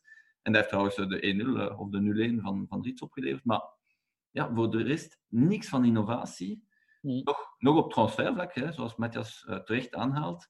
Um, en ja, ja, de, de spelers uh, die, die het allemaal al eens gezien hebben. Uh, ja, en voilà, dan, dan krijg je, ja, dan sluipt er ja, een, een uh, hoe ga ik het zeggen, nonchalance in het team. Een beetje arrogantie ook, hè? Ja, ja dat, dat, dat je moeilijk wegkrijgt. Um... Ik, ja, ik vind ook dat de kern heel veel baat zou hebben bij een echte target spits. En een target spits, dat kan een Wesley zijn, dat kan een Onwachu zijn. Maar je gaat mij nu niet zeggen dat er geen spitsen in deze wereld zitten met toch een mooi budget die club heeft om te transfereren. Dat club niemand heeft gevonden in zijn netwerk om een deftige, bonkige spits te halen die een bal kan bijhouden en die dan de rest van de aanvallers, Diatta, Dennis, Lang, Van Aken, noem maar op, om al die spelers te laten opschuiven. En daarmee creëer je ja, gewoon dominantie in je spel. En ga je meer scoren omdat hij spits zal scoren. En als hij niet scoort, zoals Wesley, want Wesley die scoorde niet veel, maar hij liet de troepen wel opschuiven. Ja. En hij gaf assist en hij liet de anderen scoren. En dat missen wij momenteel. Een budget kan dat dan, maar een budget kan dat momenteel nog niet volledig aan. Hij zal dat misschien binnen een jaar of twee kunnen. Maar nu heb je een, een soort van Benteke-spits nodig. En daarom, ik zeg niet dat ze Benteke moeten halen, maar ze moeten wel een, een, een ja, solide speler voorin halen die de rest doet opschuiven. En daarmee ga je al een hele eind verder zijn. En tegelijkertijd zou ik definitief de 3-5-2 hanteren, want de 3-5-2 is de opstelling die het, uh, die club het meest ligt. Ja. Vind je dat dan ook de, top, de topprioriteit? Die, uh, ja, 100%. Als ze in de winter geen spits halen, dan zou dit gewoon uh, een, een onbegrijpbaar zijn. Uh, een linker centrale verdediger of gewoon een centraal verdediger toekoer is ook een prioriteit, maar die diepe spits, dat moet de topprioriteit zijn. Ik zou bijna willen zeggen aan Maart dat hij zich enkel daarop moet focussen de komende twee, drie maanden, want we zitten er bijna aan die... In januari is het meteen zover voor een maand. En ik hoop dat ze niet meer met het excuus komen van corona en cost-cutting en budget en dit en dat. Nee, een spits is een topprioriteit. En zeker als je Badji ook vaak wil laten meespelen met Club Next, dan zit je daar met Okereke, halve spits, halve flank. Kermenschik, ik heb het al een beetje opgegeven, als ik eerlijk mag zijn. En Dennis is geen spits. Sibu Schrijvers is een 9,5, dus dat is ook geen spits, of een echte spits. Dus ja. ja maar dan, gaat je, dan gaat je toch iemand moeten gaan huren, denk ik. Want ik ben niet overtuigd dat, dat, dat, dat Mannaert uh, na de 8 miljoen voor Okereke, de 6,5 miljoen voor Kermenchik, de uh, 5 voor Rezai. De 5 miljoen voor Rezai, um, dat ze nog staan te springen om, om, om weer uh, een pak geld aan een spits uit te geven. dus ze moeten eerst ja, zien af te geraken van, van die andere spelers ja. tegen een, ja, een deftige prijs. Ik kan niet zeggen dat we daar alles voor gaan terugkrijgen, dat, dat lijkt me weinig waarschijnlijk. Maar een deftige prijs waar dat je je verliezen limiteert. En ja, dan kun je weer op zoek gaan naar een, een voltijdse spits. Maar ja, op huurbasis een, een, een speler uit een sterke competitie halen die misschien te veel op de bank zit uh, bij een grotere ploeg. Ja, Ik kan niet denken dat zo'n Benteke liever in de tribune zit in Crystal Palace dan, dan titularis bij club en dus ook meer in de gratie komt van een Martinez. En ik, ik kan me dat bijna niet inbeelden. Uh, of, of een Dost huren bijvoorbeeld, die ook wat minder speelt. Maar dat is, dat is voor mij het type spits dat club nodig heeft. Ja, maar die spelers kun je denk ik enkel gaan halen als, als hun ploeg nog ja, pakweg de helft van hun salaris of zo blijft uitbetalen. Want ja, dat, dat zijn salarissen die, die een Belgische club ja. zonder financieel in de problemen te geraken eigenlijk niet aan kan. Dat zijn Mignolet-salarissen. En zelfs meer, hè? Ja. Denk, Dos misschien niet, maar, maar Benteke wel. Ja. Ja. ja. ja. Um, welke spelers zijn voor jullie het meest meegevallen en tegenvallen dit seizoen? Goh. Tegengevallen? Ja, Daly, sowieso. Daar, daar, gaan we het allemaal over eens zijn, denk ik. Ja. Uh, ik vind Mechelen ook iets minder. Ik kan hem niet helemaal afschieten, maar ik vind hem minder. Um, voor de rest, Diatta. Ja, daar, daar hebben we het al genoeg over gehad vandaag. Maar... Weet, je echt Diatta? Want ja, ja, ja, zit hij wel aan, aan zes doelpunten. Zes goals. Ja, maar hij, hij, goh, hij pikt er te veel zijn momenten uit. Er zijn te veel momenten waar ik, waar ik uh, mij boos maak wanneer ik hem zie spelen. Ja. Uh, verkeerde keuzes. Ja, zijn er zijn attitude. Ligt misschien aan mij. Hij speelde het stilstand. Hè. Dat is bizar. Zoals Quentin aanhaalde onder Leco. En eigenlijk ook vorig seizoen speelde echt ja, in, ja, in beweging zijn mannetje voorbij, maar altijd lopende. En nu speelt hij vanuit stilstand. En dat is zonde voor een speler gelijk Diatta. En ik, ik pik soms van, die, van zijn wedstrijden in, met Senegal, waar hij meer op de, op de 10 speelt, of soms 9,5. En daar speelt hij gewoon frank en vrij. En je voelt ook in zijn hoofd dat hij vrij zit. Dus dat spijtig, maar ik, allee, oprecht, ik denk dat Diatta terug op niveau komt en ik maak me niet al te veel zorgen. Uh, wat ik wel positief vond, zijn drie spelers. Um, Lang, Kosonu. Dat zijn voor mij de drie, omdat hij... Ik ben altijd heel cassant geweest ten opzichte van, van Riets. Eh, ik vond ook uh, in het begin zo'n bizarre transfer. de derde, want ik denk dat het juist even aan het haperen was. Ah, uh, Riets, sorry. Riets, ja, okay. ja. Nee, nee, dus Riets, omdat hij ja, Rits die heeft nooit ontgoocheld bij club. Of, of bijna nooit. Soms in, in Champions League-wedstrijden heb je wel het gevoel van hm, dat is een beetje voor hem. Maar voor de rest, 80% van de tijd heeft hij altijd minstens een zesje in de krant. En dat is iemand die, die ja, dat is een goede soldaat. Je kunt altijd op hem rekenen. Hij speelt soms iets boven zijn niveau, wat eh, uitstekend is voor ons. Maar, maar Mats Rits doet dat uitstekend. En, en als je ziet, hij heeft Nakamba, Klaasie, Amrabat, uh, Balanta nu eigenlijk ook. Uh, speelt ze niet uit de ploeg, maar hij heeft het mooi getoond aan de, ploeg, aan, aan de coach vooral, van kijk, je mag altijd op mij rekenen wat er ook gebeurt. Hij is amper geblesseerd, Mats of, of schorsingen, dus chapeau. Kosonu, ik heb er altijd in geloofd. Uh, ik herinner me nog die Zweedse journalist die zei toen dat we die van Helsingborg of zoiets, of Hammersby kochten. Van, dit is, dacht ik. Ja, we hebben 3 miljoen, 3 miljoen betaald en hij zei, jullie zijn gek. Uh, Kosunu kan amper op een bal trappen ja, sorry, maar ik heb Kosonu drie vierde van zijn wedstrijden echt mooi zien heersen op... Oké, okay, dat is niet zijn positie, dat, is, dat staat buiten kijf. Maar Kosonu, dat is, dat is de nieuwe Koulibaly uh, van Genk. Allee, misschien gaat hij nooit op zo'n niveau komen. Maar dat is wel iemand dat je weet, oké, je koopt die 3 miljoen en hij zal zijn fouten maken. Maar binnen dit en de komende drie, vier jaar ga je die voor minstens 10 of 15 miljoen verkopen. Ja, als je ziet dat een Bornau al, al 6, 6 of, of ja, 7 miljoen 6, eh, opdracht, ja. ja dan, dan, weet je genoeg. Hè. Ja, en, en, en, ik denk, hij heeft toch wel mooie referentiewedstrijden gespeeld. Ik denk aan zijn, uh, zijn match tegen Lazio, dat was, was echt, echt sterk. Uh, vorig seizoen ook een van zijn eerste matchen was meteen tegen, uh, tegen wie was het? Maar hij heeft een paar goede Champions League wedstrijden gespeeld. En, ja, maar hij heeft echt mooie stappen gezet, zeker dit seizoen. En, uh, en Noah Lang, uh, nog nooit ontgoocheld, misschien wel tegen KV Oostende, maar dat was meer, dat meer te maken met vermoeidheid en met fysieke paraatheid. Want je voelt ook dat Clement hem rustig aan wil brengen. Je voelt ook dat hij amper heeft gespeeld bij Ajax of bij Twente, dat hij echt met een fysische achterstand bij club is gekomen. Maar op termijn gaan we enorm genieten van, van uh, Noah Lang. En we hebben maar één transfer gedaan deze zomer, maar het was wel een, uh, een hele goede transfer. Ja, En Badji, Badji niet vergeten, hè? ja, wel, ik juist ook zeggen. Ja. Ja. Ja, ja, Badji, tuurlijk. Een uitschieter, hè? eh, indrukwekkend wat hij al getoond heeft. Ja. Nee, als, ik dat voor, als ik dat voor mezelf kijk, vind ik persoonlijk de speler waar ik het meest in nou, teleurgesteld ben, is, allee, als ik dan toch moet kijken, is uh, Dennis vind ik toch wel Ja. zeer hard tegenval. Niet, en- niet alleen in spel, maar ook gewoon pure cijfers. Hij heeft één goal gemaakt in de Champions League, en laten we eerlijk zijn, ja, die hij en ik er misschien ook in shot.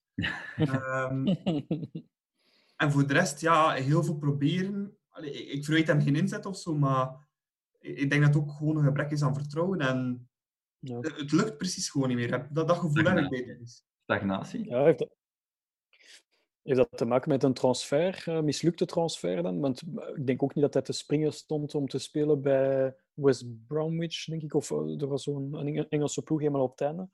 Misschien zit dat ook in zijn hoofd. Ja, maar allee, als hij denkt dat hij direct naar Real Madrid gaat kunnen gaan, dat gaat ook nooit, Nee, dat gaat nooit het geval zijn. Hè. Nee. Eh, want soms heb ik dat gevoel dat bij Dennis dat hij van, zijn- van zichzelf denkt dat hij de Belgische competitie al volledig overstijgt, terwijl dat hij dat gewoon veel te, veel te, veel te weinig laat zien. Ja. Eigenlijk, sinds, die, sinds die goals op Madrid heeft hij enkel nog tegen Manchester United een keer een goede wedstrijd gespeeld. Ja, weer al tegen de topploeg. Ja. En dan denk je dat dat gewoon ook veel trappen in zijn kopje sluipt, zoiets. Die, Ja, leeft, het is, het is, die leeft in, in zijn eigen wereldje. Die, die leeft in een bubbel, precies. Hij, zo, zo lijkt het. Hè. Ja. Maar ja. Ja. Ik hoop dat hij, dat hij in het najaar nog, eh, nog kan vlammen. En dan zal hij wel vertrekken. Dat, dat kan niet anders. Ja, maar ik ga niet anders kunnen, want ehm, al- als hij nu niet presteert, ja, dan, dan moest ik een, een topploeg zijn uit Engeland of zo. Ja, dan, dan moet ik hem ook niet meer hebben hoor. Dan eh, zal het eerder zijn misschien naar een, eh een, een Nantes of een of andere, à la Limbombe, dat hij gaat moeten vertrekken. Maar ehm, ik zie Maar dat is ook de reden waarom dat er, dat er geen... Ja, en dat is ook de reden waarom dat er geen één Engelse ploeg is die, die toch voor die 25 miljoen... Want Manhart zei van in het begin... eh die had dan minstens 25 miljoen en Dennis 25 miljoen. Ze hebben denk ik één bod gekregen van 16 miljoen ehm, van Sheffield op, eh, op, eh, op Dennis, geloof ik. Sheffield, denk ik. Ehm, dat, dat zegt ook veel. Hè? Eh, die, die, die managers daar in Engeland die weten ook van oké, Dennis dat is een heel goede speler in potentie, maar die heeft nog zoveel te, te, eraan te werken. En, en zou Dennis gewoon soms iets efficiënter in zijn spel zijn, het zou hem zoveel goeds teweeg brengen. Dus, eh, maar het komt wel. Het komt wel. En ik, ik geloof zoveel in Diatta en Dennis dat dat, dat, dat weer goed komt. Ja. Ja, ik hoop dan voor Indiata, die zie ik het wel volledig maken, eh, op internationaal niveau ook. Die heeft, Ja. denk ik, in mijn ogen altijd meer potentie dan Dennis. Die heeft ook Ja. nog meer dat doelgerichte. Heeft ook een goede linker. Dat, dat is ook iets dat niet veel flankspelers hebben. Tweevoetig. Het is net daarom, Nicola, dat ik, dat ik hem in, in, in mijn negatief lijstje plaats. Want je, je weet hoeveel klasse en, en, en potentieel die heeft, hoeveel talent. En, en dan zie je die, sorry, maar veel slechte matches spelen. Ehm, nog tegen Anderlecht ook, als ik me niet vergis, gewoon een slechte match gespeeld. Hij scoort wel, maar ik vond hem niet zo goed. Eh, en, en ja, het, is net daarom het, dat het zo spijtig is. Hè, dat, dat, misschien ligt het aan, die, aan de tactische, tactische richtlijnen van, van Clement. Ehm, dat hij zich een beetje beperkt voelt in, in zijn, zijn actieradius. Ehm, maar ja, Ja, geef mij maar de, de diata terug van onder Leco. goh. Ja, maar dat- en toen, toen speelde Dennis op rechts en, en Diatta op links. En dat was gewoon dat was een machine. Hè. Dat was gewoon die twee vleugels. Oké, dat was full risico, full power. En, en we gaan ervoor. We hadden ook niks te verliezen toen in de Dat was niks voetbal. Dat- Klopt. Ja, het was, het was Leco, Leco voetbal, hè. gewoon Leco-style, gewoon eh, aanvallen, aanvallen, aanvallen. Maar dat was toen gewoon heerlijk. Hè. Het was ook mijn eerste jaar met jullie eh, commentaar in de blindtribune. En dat was gewoon genieten. Hè. En, en nu onder Leco is Diatta zo'n soort van... Pas op, ik karikatureer ze een beetje, maar een beetje een robotachtige speler. Ja, een beetje een robotachtige speler geworden, hè, die, die vanuit stilstand het verschil maakt. En hij maakt het verschil, want zes goals, dat zijn mooie statistieken voor een winger. Maar Diatta puur in het spel meer laten zien en brengen, dat, is de opdracht van Clement. Ja. Ja. Is, is dat onze topschutter? Diatta? ja, misschien wel. Dat zal wel, hè? Dat, ik denk het Ja. wel. Ik denk het wel. Hij of Misschien Van Aken. Ja. Ja. Of misschien een Badji als hij eh, veel speelt. Nee, ik op dit, op dit moment, hè? Ja, ja, Ah, ja, ja. op dit moment, ja, ja, dat, ja, dat denk ik. Ja, ja, ja. Dat zegt ook wel vele goede boven. Dus, ja, je moet een spits kopen. Hè. Ja. Ja, wat, wat doet je met Kermenchik? Huren of verkopen. Als, als je daar een mooi bod voor krijgt van eh, 4, 5 miljoen, dan zou ik daar geen Ja. eh, Wie, over wie, Ja. ja, ik, zie, ik zie Pilsen geen 4 of 5 miljoen Nee. eh, geven voor Kermenchik. Ja. Wie, wie legt die miljoenen wel? Zou bij 2, 3 blij zijn. Ze. Ja. Ja. Red hetzelfde. Ja, ja dat is hetzelfde. Ja. Ja, nee, klopt. Maar Rezai die scoort voor Iran, hè, dus eh, dat, is minstens een miljoentje erbij hè, voor die goal. 10 miljoen, 10 miljoen voor KV. Nu, eh, dat we niet gaan freewheelen naar de titel zoals vorig jaar, eh, dat lijkt wel duidelijk. Wie, wie zijn voor jullie de grootste concurrent? Mijn favoriete coach, hè? Ivan Ja. Leko. En Ja, ik denk, kijk, ik denk, ehm stond daar, stond daar zie ik geen concurrent. Eh, en dat zie ik niet op basis van de laatste wedstrijden tegen, eh tegen Poznan, et cetera. Maar puur qua kern mm, zie ik daar geen echte concurrent. Ehm, ik zie Antwerp en eigenlijk enkel Antwerp. Ik zie Beerschot zal nog heel mooie zaken doen dit seizoen, maar Antwerp is zo de, de, ja, de concurrent van club dit seizoen. Ja. Ja. Ben je het mee akkoord, Quentin? Antwerpen, ja, sowieso, die, die gaan meedoen. Ja, dat is een feit. Eh Standaard, daar zullen de, voor mij de financiële perikelen eh, een grote rol spelen in, in, januari. Want eh, vorig jaar hebben ze een Boko bijvoorbeeld moeten laten gaan en, en nog een paar andere spelers. Moest dat nu weer gebeuren, ja, dan gaan ze niet mee kunnen doen. Dan gaan ze misschien zelfs de play-offs missen. Dan moesten die er komen. Ehm, zou dat niet het geval zijn, want ik hoor dat Shadley gaat investeren en dan- dat ze blijkbaar wel investeerders hebben kunnen eh, strikken. Ja, dan, dan, dan zie ik niet in waarom, waarom dat ze ten eerste de play-offs niet zouden halen. En eens dat je in de play-offs zit, kan alles gebeuren. En we weten dat Standaard een play-off ploeg is. Dus in die zin zie ik ze ook wel meedoen. En voor de eh, vierde plek, want voor mij gaan alle eh play-off deelnemers meedoen voor de titel. Voor de vierde plek, die zal tussen, volgens mij tussen Genk en Anderlecht gaan. En, En Charleroi. Ja, raar genoeg zie ik ze de, de play-offs nog missen. Ja? Ja, ja enkel omdat er, omdat er maar vier plekken zijn. Hè. Ehm, de concurrentie is, is moordend en, en Charleroi die, die, gaat, eh, die zouden normaal gezien op de limieten van hun kern moeten botsen uh, naar gelang de, de play-offs naderen. Ja, ik, zou, ik zou ze niet onderschatten. Eh, het feit dat ze geen Europees spelen, ze gaan ook frisse spelers hebben op het einde van de rit. Dat is ook wel een belangrijke. Ja, dat is, ja. Ehm, en, en ik zeg niet, ik, en, en ik hoop niet dat Theodorczyk eh, begint te scoren bij, bij Charleroi. Maar als, ze die ook in de, als die ook begint te scoren met Redzai, met Nicholson. ehm, ze hebben een heel goed middenveld. Uh, Kayembe is een topper achterin.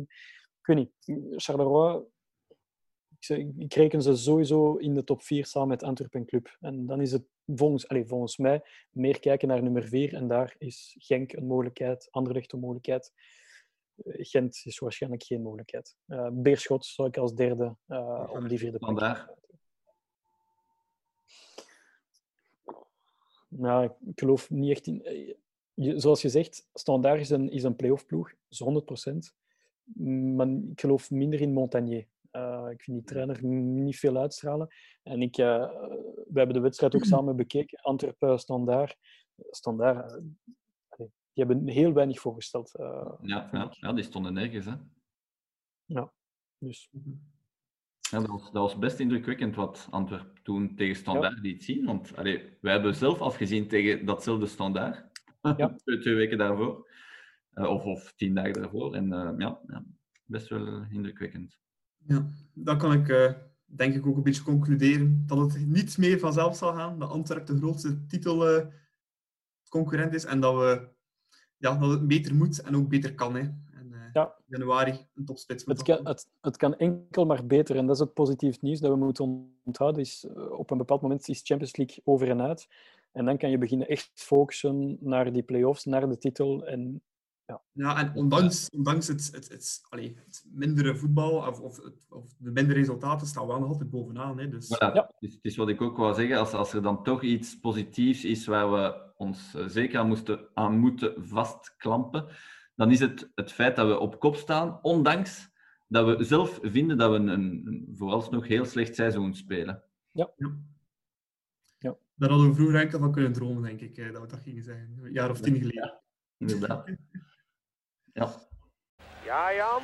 En voortgaan, ze kunnen niet volgen. Nog altijd. Goal! Goal, goal, goal! Hij is erdoor, Keuleman. Hij is erdoor. De inspanning van het jaar.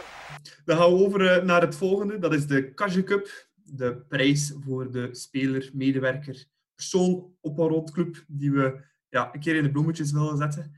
Eh, we hebben alle drie weer een eh, leuke nominatie gekozen. En eh, ik laat Matthias beginnen met zijn nominee van deze week. Ja, we hebben er in een vorige aflevering vaak over gesproken, over Club Next. En ik zou graag vandaag een, een pluimpje willen geven aan Rick de Mil. Dit komt omwille van verschillende aspecten. Ehm, Rick de Mil is de trainer hè, van 1B. Ja, ja, ja. Rick, Rick de Mil is de, is de coach T1 van, eh, van Club Next.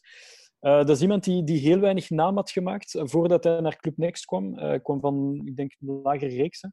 Ehm, hij heeft het goed gedaan in, in een lagere ploeg van Club. En dan uiteindelijk werd kreeg hij een promotie bij Club Next. Ehm, dat is iemand met heel veel charisma, met heel veel ehm, klasse. Een, een heel goede vriend van mij werkt bij Union. Die, hebben, die hebben al gespeeld tegen Club Next. Twee En hij zei, ja, die Rick de Mil dat is echt iemand met, met ehm, een bepaalde aura rond zich. Dat is iemand die ook een ploeg kan kneden en die ondanks alles, hè, want ze blijven maar verliezen, en als ze een keer heel goed spelen, zoals ehm, gisteren was het zeker, uh, of eergisteren tegen, eh, tegen Westerlo, die blijven hun spel spelen, die winnen vooralsnog nog niet. Maar ik wil hem toch een pluim, spelen, want je voelt, eh, pluim geven, want je voelt wel dat hij spelers beter maakt. En ehm, ik denk aan een Sanja, die kreeg heel wat kritiek. Hij deed het supergoed tegen Westerlo. Ik heb ook die match als referentie genomen voor Rick de Mil, zijn nominatie. En, ehm, en ja, ik denk wel dat Rick de Mil het op termijn wel kan schoppen. Misschien niet tot T1 van Club Brugge, maar ik denk wel dat hij op termijn een, heel goede coach kan worden voor DNA, voor een ploeg zoals eh Moes Kroen, Waasland Beveren, OH Leuven. Dus eh, ik zie daar wel heel veel potentieel in. En, eh, en hij doet dat met, een, eh, met zeer veel klasse en charisma. Dus, eh, nominatie voor mij gaat uit naar eh, Rick de Mil. Ik kende hem persoonlijk niet, maar leuke ontdekking. Ja, nou, ik denk dat hij dat niet slecht doet, ook on- ondanks dat ze nog niet gewonnen hebben. Maar ik denk dat al die spelers wel eh, grote stappen zetten op die manier. Hè, met, eh, Ja. Ja, Ja, en ze vormen een heel goede trio met, eh, met Smolders en Hoefkens, alle drie op de bank. Dus eh, ja, ik denk wel dat, dat we nog gaan horen van Rick de Mil, al dan niet bij club of in een andere Belgische club. Ja. Quentin, wie is jouw eh, nominee van deze week? Wel, ehm, ik, eh, ik, ik moest een eh, hartverscheurende keuze maken tussen eigenlijk eh, Charles de Ketelaar, die, die, die het zeker verdient, maar die, die uiteindelijk die het niet heeft gehaald, eh, in, in, in mijn, mijn inzicht. Ik ga, ik ga toch eventjes uitleggen waarom. Eh, dus ja, de Ketelaar, matchwinnaar eigenlijk op, op Oostende zonder te scoren. Hij maakt echt het verschil eh, na zijn invalbeurt. Ook eh, nieuwe Rode Duivel, dus enkel positief nieuws. En hij komt, hij, zijn seizoen begint echt pas. Hè. Hij begint eindelijk te draaien, zijn draai te vinden, eh, op gang te komen. Dus hij had het zeker eh, kunnen zijn, maar hij, hij wint de Cash Cup wel later dit seizoen, wanneer hij ons de titel schenkt. Eh, ik maak me daar geen zorgen over. Waarteken. Mijn, ehm, mijn nominatie gaat naar de Club Foundation. Dus de, de organisatie binnen Club die, die ook voor de Blindentribune trouwens verantwoordelijk is. Eh, en, en allerhande eh, sociale projecten. Want ze hebben de More Than Football eh, Award gewonnen afgelopen week. Ehm, dat is een, een Europees of internationale award die, die wordt uitgereikt aan, aan, aan clubs die, die, die mooie sociale projecten kunnen voorleggen. En, en dus ze hebben dat, die award gewonnen voor hun boek, hè, voor de Beer en zijn sjaal boek. Ehm, die Vomer trouwens voorlas aan zijn kinderen. Eh, we, kennen de, de video's. Is het eentje dat je ook gaat voorlezen aan Matteo? Eh, ja, ja, ja. Maar moest, moesten ze de... Eh, is er trouwens een Franstalige versie van dat boek? Of, of een Engelstalige versie? Of... Ja, Ik denk dat ze hem wel vertaald hebben voor, eh, voor die award. Ja, ja. In, in het Engels sowieso. Eh, in het Frans misschien nog niet, maar in het Engels sowieso. Ja, ja. ja Matteo, die, dat wordt zijn, zijn bedlectuur sowieso. Maar nee, dus een, eh, een, dikke pluim voor de, voor de foundation, want ik denk dat ze daar echt eh, enorm, enorm leuk werk presteren. Ehm, dus mijn nominatie gaat naar hen. Ja, heel leuk. Heel mooie nominatie. Eh, ja, we kunnen er enkel maar van meespreken dat ze daar goed werk doen bij eh, de Foundation, Peter en, eh, Ja. Joris doet dat daar super in. Zeker. Absoluut. Nee. Dan heb ik ook eh, zelf nog een nominatie. Het is eh, geen voetballer, het is niemand die bij Club werkt. Het is een supporter. Ehm, zijn echte naam ken ik niet, ik ken enkel zijn alias. Dat is eh, Case 050. En dit is de man die de graffiti-werken maakt aan het uh, Entrepot-complex in Brugge. Dat is ook een bekende vuifzaal voor de mensen van Brugge zelf. Ik heb zelf al meerdere feestjes gedaan. En daar staat aan de kant altijd graffiti. En inderdaad, het was mij toen ook al opgevallen dat er regelmatig ook ja, Club Brugge getinte graffiti was. En hij is enorm in de kijker gekomen met zijn uh, graffiti-kunstwerk van uh, Charles de Ketelaar. Charles met een kroontje op, King Charles. Ja. Een beetje verwijzen. Ik vond dat heel leuk gevonden, heel origineel. Blijkbaar heeft de man al uh, meerdere van die ja, Club Brugge werken daar gemaakt. En nu heeft hij ook onlangs, van de week denk ik, eentje gemaakt van Raoul Lambert. Een soort van portret met de Living Legend erbij. Ik vond dat wel heel leuk gedaan, heel origineel. En vandaar dat ik Case 050 eens in de bloemetjes uh, wou zetten. Ik vond het wel een... Uh... Mooie nominatie. Ja, ja. wel, het is dat. Ja, ik vond de graffiti ook heel mooi. Heel geslaagd. Ja, ik vond de graffiti heel geslaagd. Ja, het is, dat. het is beter dan zo'n name tag dat overal op alle winkels uh, gezien is.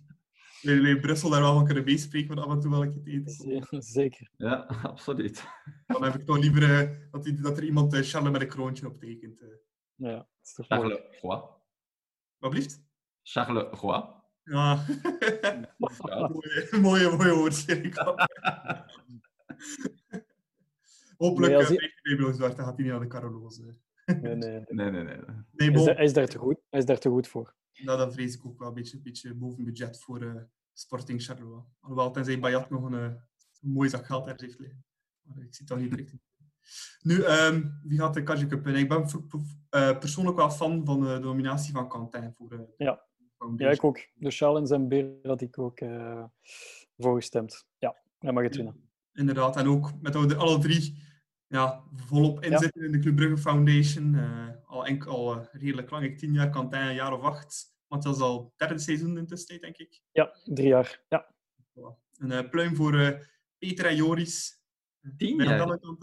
Al tien jaar, denk ik. Sinds 2009. De zomer van 2009. Ik, ik, ik doe sinds 2010. Ik was er rond begin bij. Dat weet ik. Met Filip. Ah, dus, ah, 2011. Ik 2011. Ja, negen ja, jaar. Dus. Een jaartje later waarschijnlijk. Ja, ja, ja. ja. Voilà. Nee, dus uh, dikke pluim voor uh, Peter en Joris.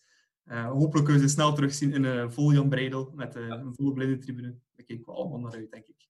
We missen ze. Ja, inderdaad. Absoluut. Ik kijk er enorm naar uit dat het terug zover is. Bon, dat was de Kaja Cup voor deze week. We gaan nog uh, kort een uh, voorbeschouwing doen naar uh, de wedstrijden die komen. En dat begint zaterdagavond tegen KV Kortrijk. Ja, Matthias, gaat de vloek van het Legian Breidelstadion eindelijk eens doorbroken kunnen worden? Want tot nu toe hebben we nog geen enkele keer kunnen winnen in een leeg Fortian Breidel. Niet als Clement gewoon doet en gaat voor een Sobol corona-positief is, moet je nu een, uh, een Leco-opstelling. Uh, ik denk dat dat de goede oplossing zou zijn. Dus ik, uh, ik zou gaan met een vast trio Deli, Kosonu en Mata achterin. En dan speel je met twee snelle wingers ehm, op de flanken. En dan voorin speel je dan met Badji en mag je kiezen. de ketelaar mag bijvoorbeeld. maar ja, 5-2 en, en met de afwezigheid van Sobol zou ik geen Rika zetten, want Rika is niet denderend in een 3-5-2-opstelling. maar gaan voor twee snelle wingers. Ja. Quentin, hoe zou jij ervoor zorgen dat we niet opnieuw in dezelfde val lopen als thuis tegen KV Mechelen bijvoorbeeld? Ja, ik zou, um, het, zou, het zou gevaarlijk kunnen zijn, maar ik zou toch eens uh, willen proberen dit seizoen om met twee, dus ook in een 3-5-2 systeem, met twee um, aanvallende flanken. Dus hè, we weten, Clement wil maar één aanvallende flank uh, in zijn 3-5-2 tegelijkertijd. Dus dat is dan vaak Sobol op links en, en Diatta op rechts. Uh, ik zou gewoon eens ja, zowel op de bank laten, Diatta op links en uh, Dennis op rechts, hè, zoals we vroeger zagen. Dat was het sowieso de bank, of ja, in de tribune heeft corona. Hè. Ja, ja, inderdaad. Voilà. Dus het is misschien de, een uitgelezen mogelijkheid om het uh, zo uit te proberen. En in de spits zag ik dan Badji koppelen aan Lang. Ja. En uh, de rest on, onveranderd laten. En oké, okay, dan stel nu dat, dat, dat je ja, op die flanken in de problemen raakt tegen Kortrijk, wat altijd zou kunnen, uh, dan, dan pas je zaken aan aan de rust of zo. Maar ik zou het tenminste eens willen proberen. En we weten, ja, uh, buitenhuis. Is het buitenhuis dat we spelen? Sorry. Nee, nee thuis. Het is thuis, het is thuis, ja. Oké, okay, dat wordt misschien minder een succes gezien. Is, is geen sinecure, hè? Ja. ja. Maar ik, ik zou het echt wel proberen. Ja. Um, hoe hoog moeten we Kortrijk inschatten, Matthias? Um, ik, ik, was heel pessimistisch over eh, KV Mechelen de vorige keer, dus ik ga mijn woorden wikken en wegen. Uh, nee, ik, vandaag, club uh, in Jan Breidel moet altijd opletten met, met een tegenstander, want ze spelen zonder publiek. Maar ik denk na twee weken rust, relatieve rust, moeten zij gewoon met de mes tussen de tanden spelen en niet denken aan uh, Dortmund drie dagen later. Dus gewoon vol voor de overwinning gaan en kan nu KV Kortrijk zijn of Genk of Antwerpen, maakt niet uit. Maar vanaf nu moet het weer Fortjan Breidel worden, ook al is het zonder publiek. Maar ik denk toch dat de spelers nu moeten tonen aan alles en iedereen binnen de club van oké, okay, was geen toevalstreffer, dat hij wel degelijk uh, verdiend was. En dan kunnen zij enkel tonen door nu echt een mooie serie eraan te koppelen. KV Oostende is gewonnen, KVK komt nu en ik denk dat we daarna op Moes Kroen spelen en dan thuis tegen STVV. Dus ik eis eigenlijk niks minder dan een 9 op 9, als ik eerlijk mag zijn. Ja, dat lijkt mij ook logisch. Nu, daartussen zitten er al nog enkele Champions League matchen. Beginnen we volgende week dinsdagavond uh, in Dortmund. Het zal wel een uh, lege gelbe wand zijn. Um, maar uh, zouden jullie bijvoorbeeld um, spelers laten rusten tegen Kortrijk om dan tegen Dortmund uit te pakken? Of zou je zeggen full ja. force op die competitie? Ja, full, full course. Ik, ik ben van mening dat we wel genoeg punten verspeeld hebben in de Jupiler Pro League. Hadden wij nu uh, maar één of twee matchen verloren en één gelijk had ik het nog begrepen en was het ook correct, want met 4 op 6 heb je wel mogelijkheden in de Champions League. Maar ik denk dat we nu gewoon, ja, je ziet ook, die ploegen zitten zo kort op elkaar. Beerschot, Antwerpen, Anderlecht, Genk, Charleroi, noem maar op. Dus uh, eerst zeker zijn van die top 4 en dat kan je enkel doen door te winnen in de Jupiler Pro League. Dus A-ploeg tegen KV Kortrijk, A-ploeg tegen Dortmund en, en zo aan en zo aan. En ja. spelers die gewoon minder zijn, laat je gewoon niet spelen, uh, omdat ze het niet getoond hebben op training. Punt. Ja, en Dortmund, thuis tegen Dortmund werd een droge 0-3, uh, de heenwedstrijd. Uh, Quentin, wat moet er anders gebeuren om nu wel een positief resultaat te halen? Of toch proberen om iets uit de brand te slepen? Want oh, het is wel een ongelooflijk sterk ploeg. Hè?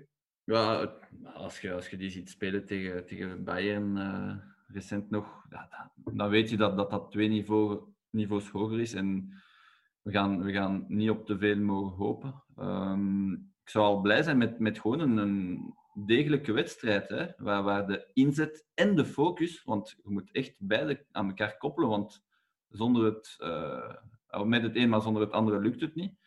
Um, dus ook al verliezen we met ja, 3-0 opnieuw, maar dat, dat, dat ik weer een gefocust club zie waar die individuele fouten um, ja, vermeden worden, want dat doet ons echt de das om dit seizoen.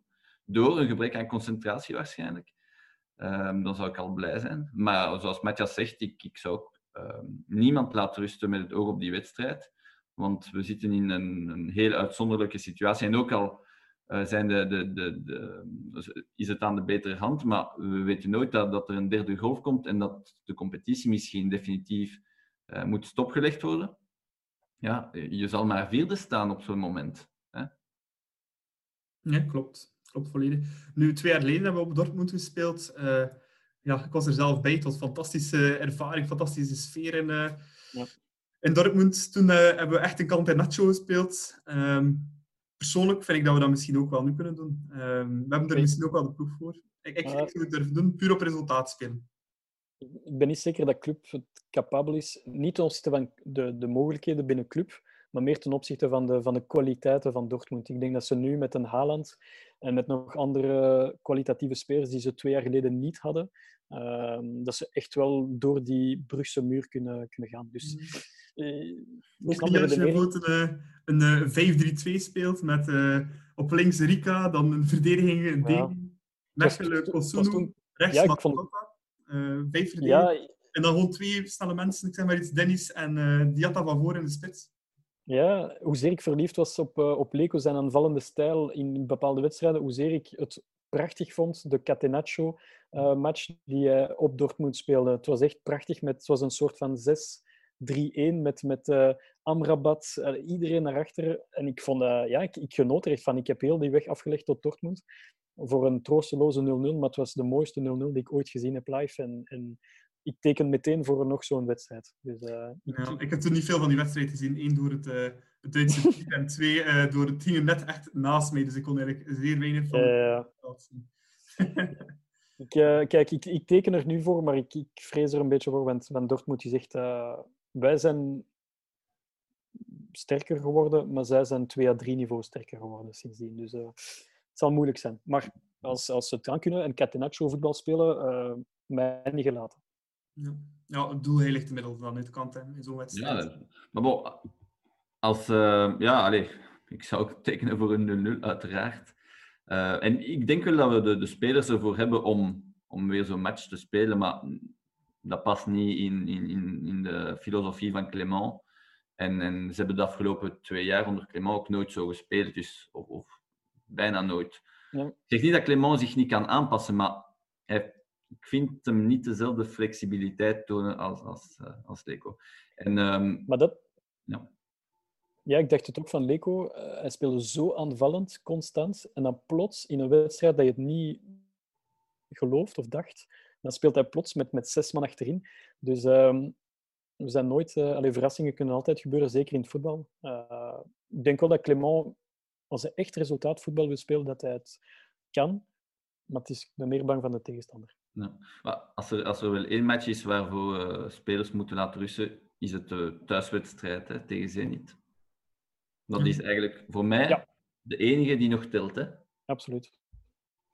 Ja, tenzij uh, Lazio nog, ja, met een gelukje kunnen misschien ook nog uh, door ja, fraude tweede worden in de groep. Want Lazio die heeft ja. wat gesjoemeld met een coronatest. Dus wie weet komt er daar nog iets positiefs uit de lucht halen. Ook al zou het sportief gezien wel niet leuk zijn op die manier oh, ma Maakt niet uit. Maakt niet uit, Nico.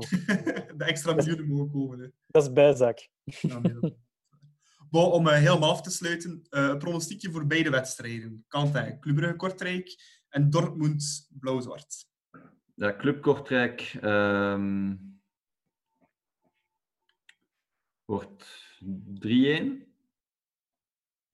Uh, ja, dus net zoals tegen Oostende. En uh, ja, Dortmund Club, dat wordt, dat wordt uh, 4-0. Ja.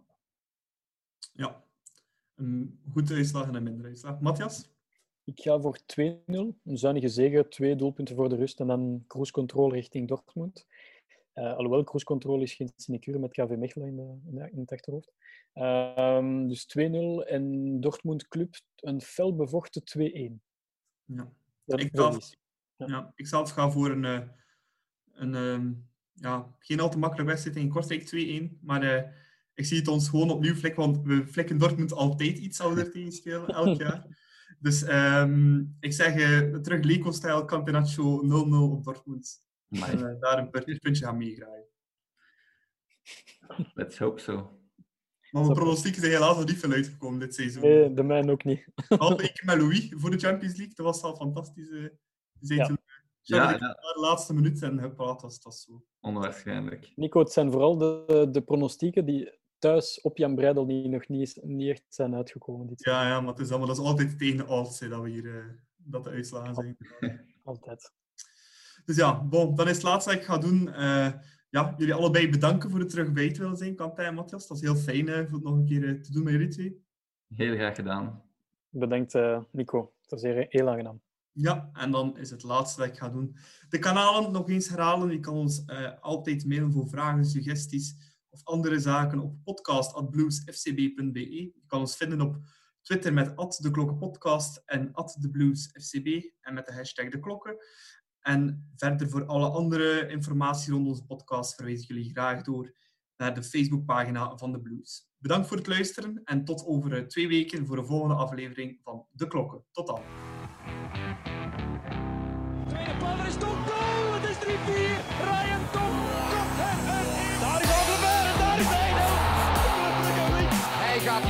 maken, denk ik.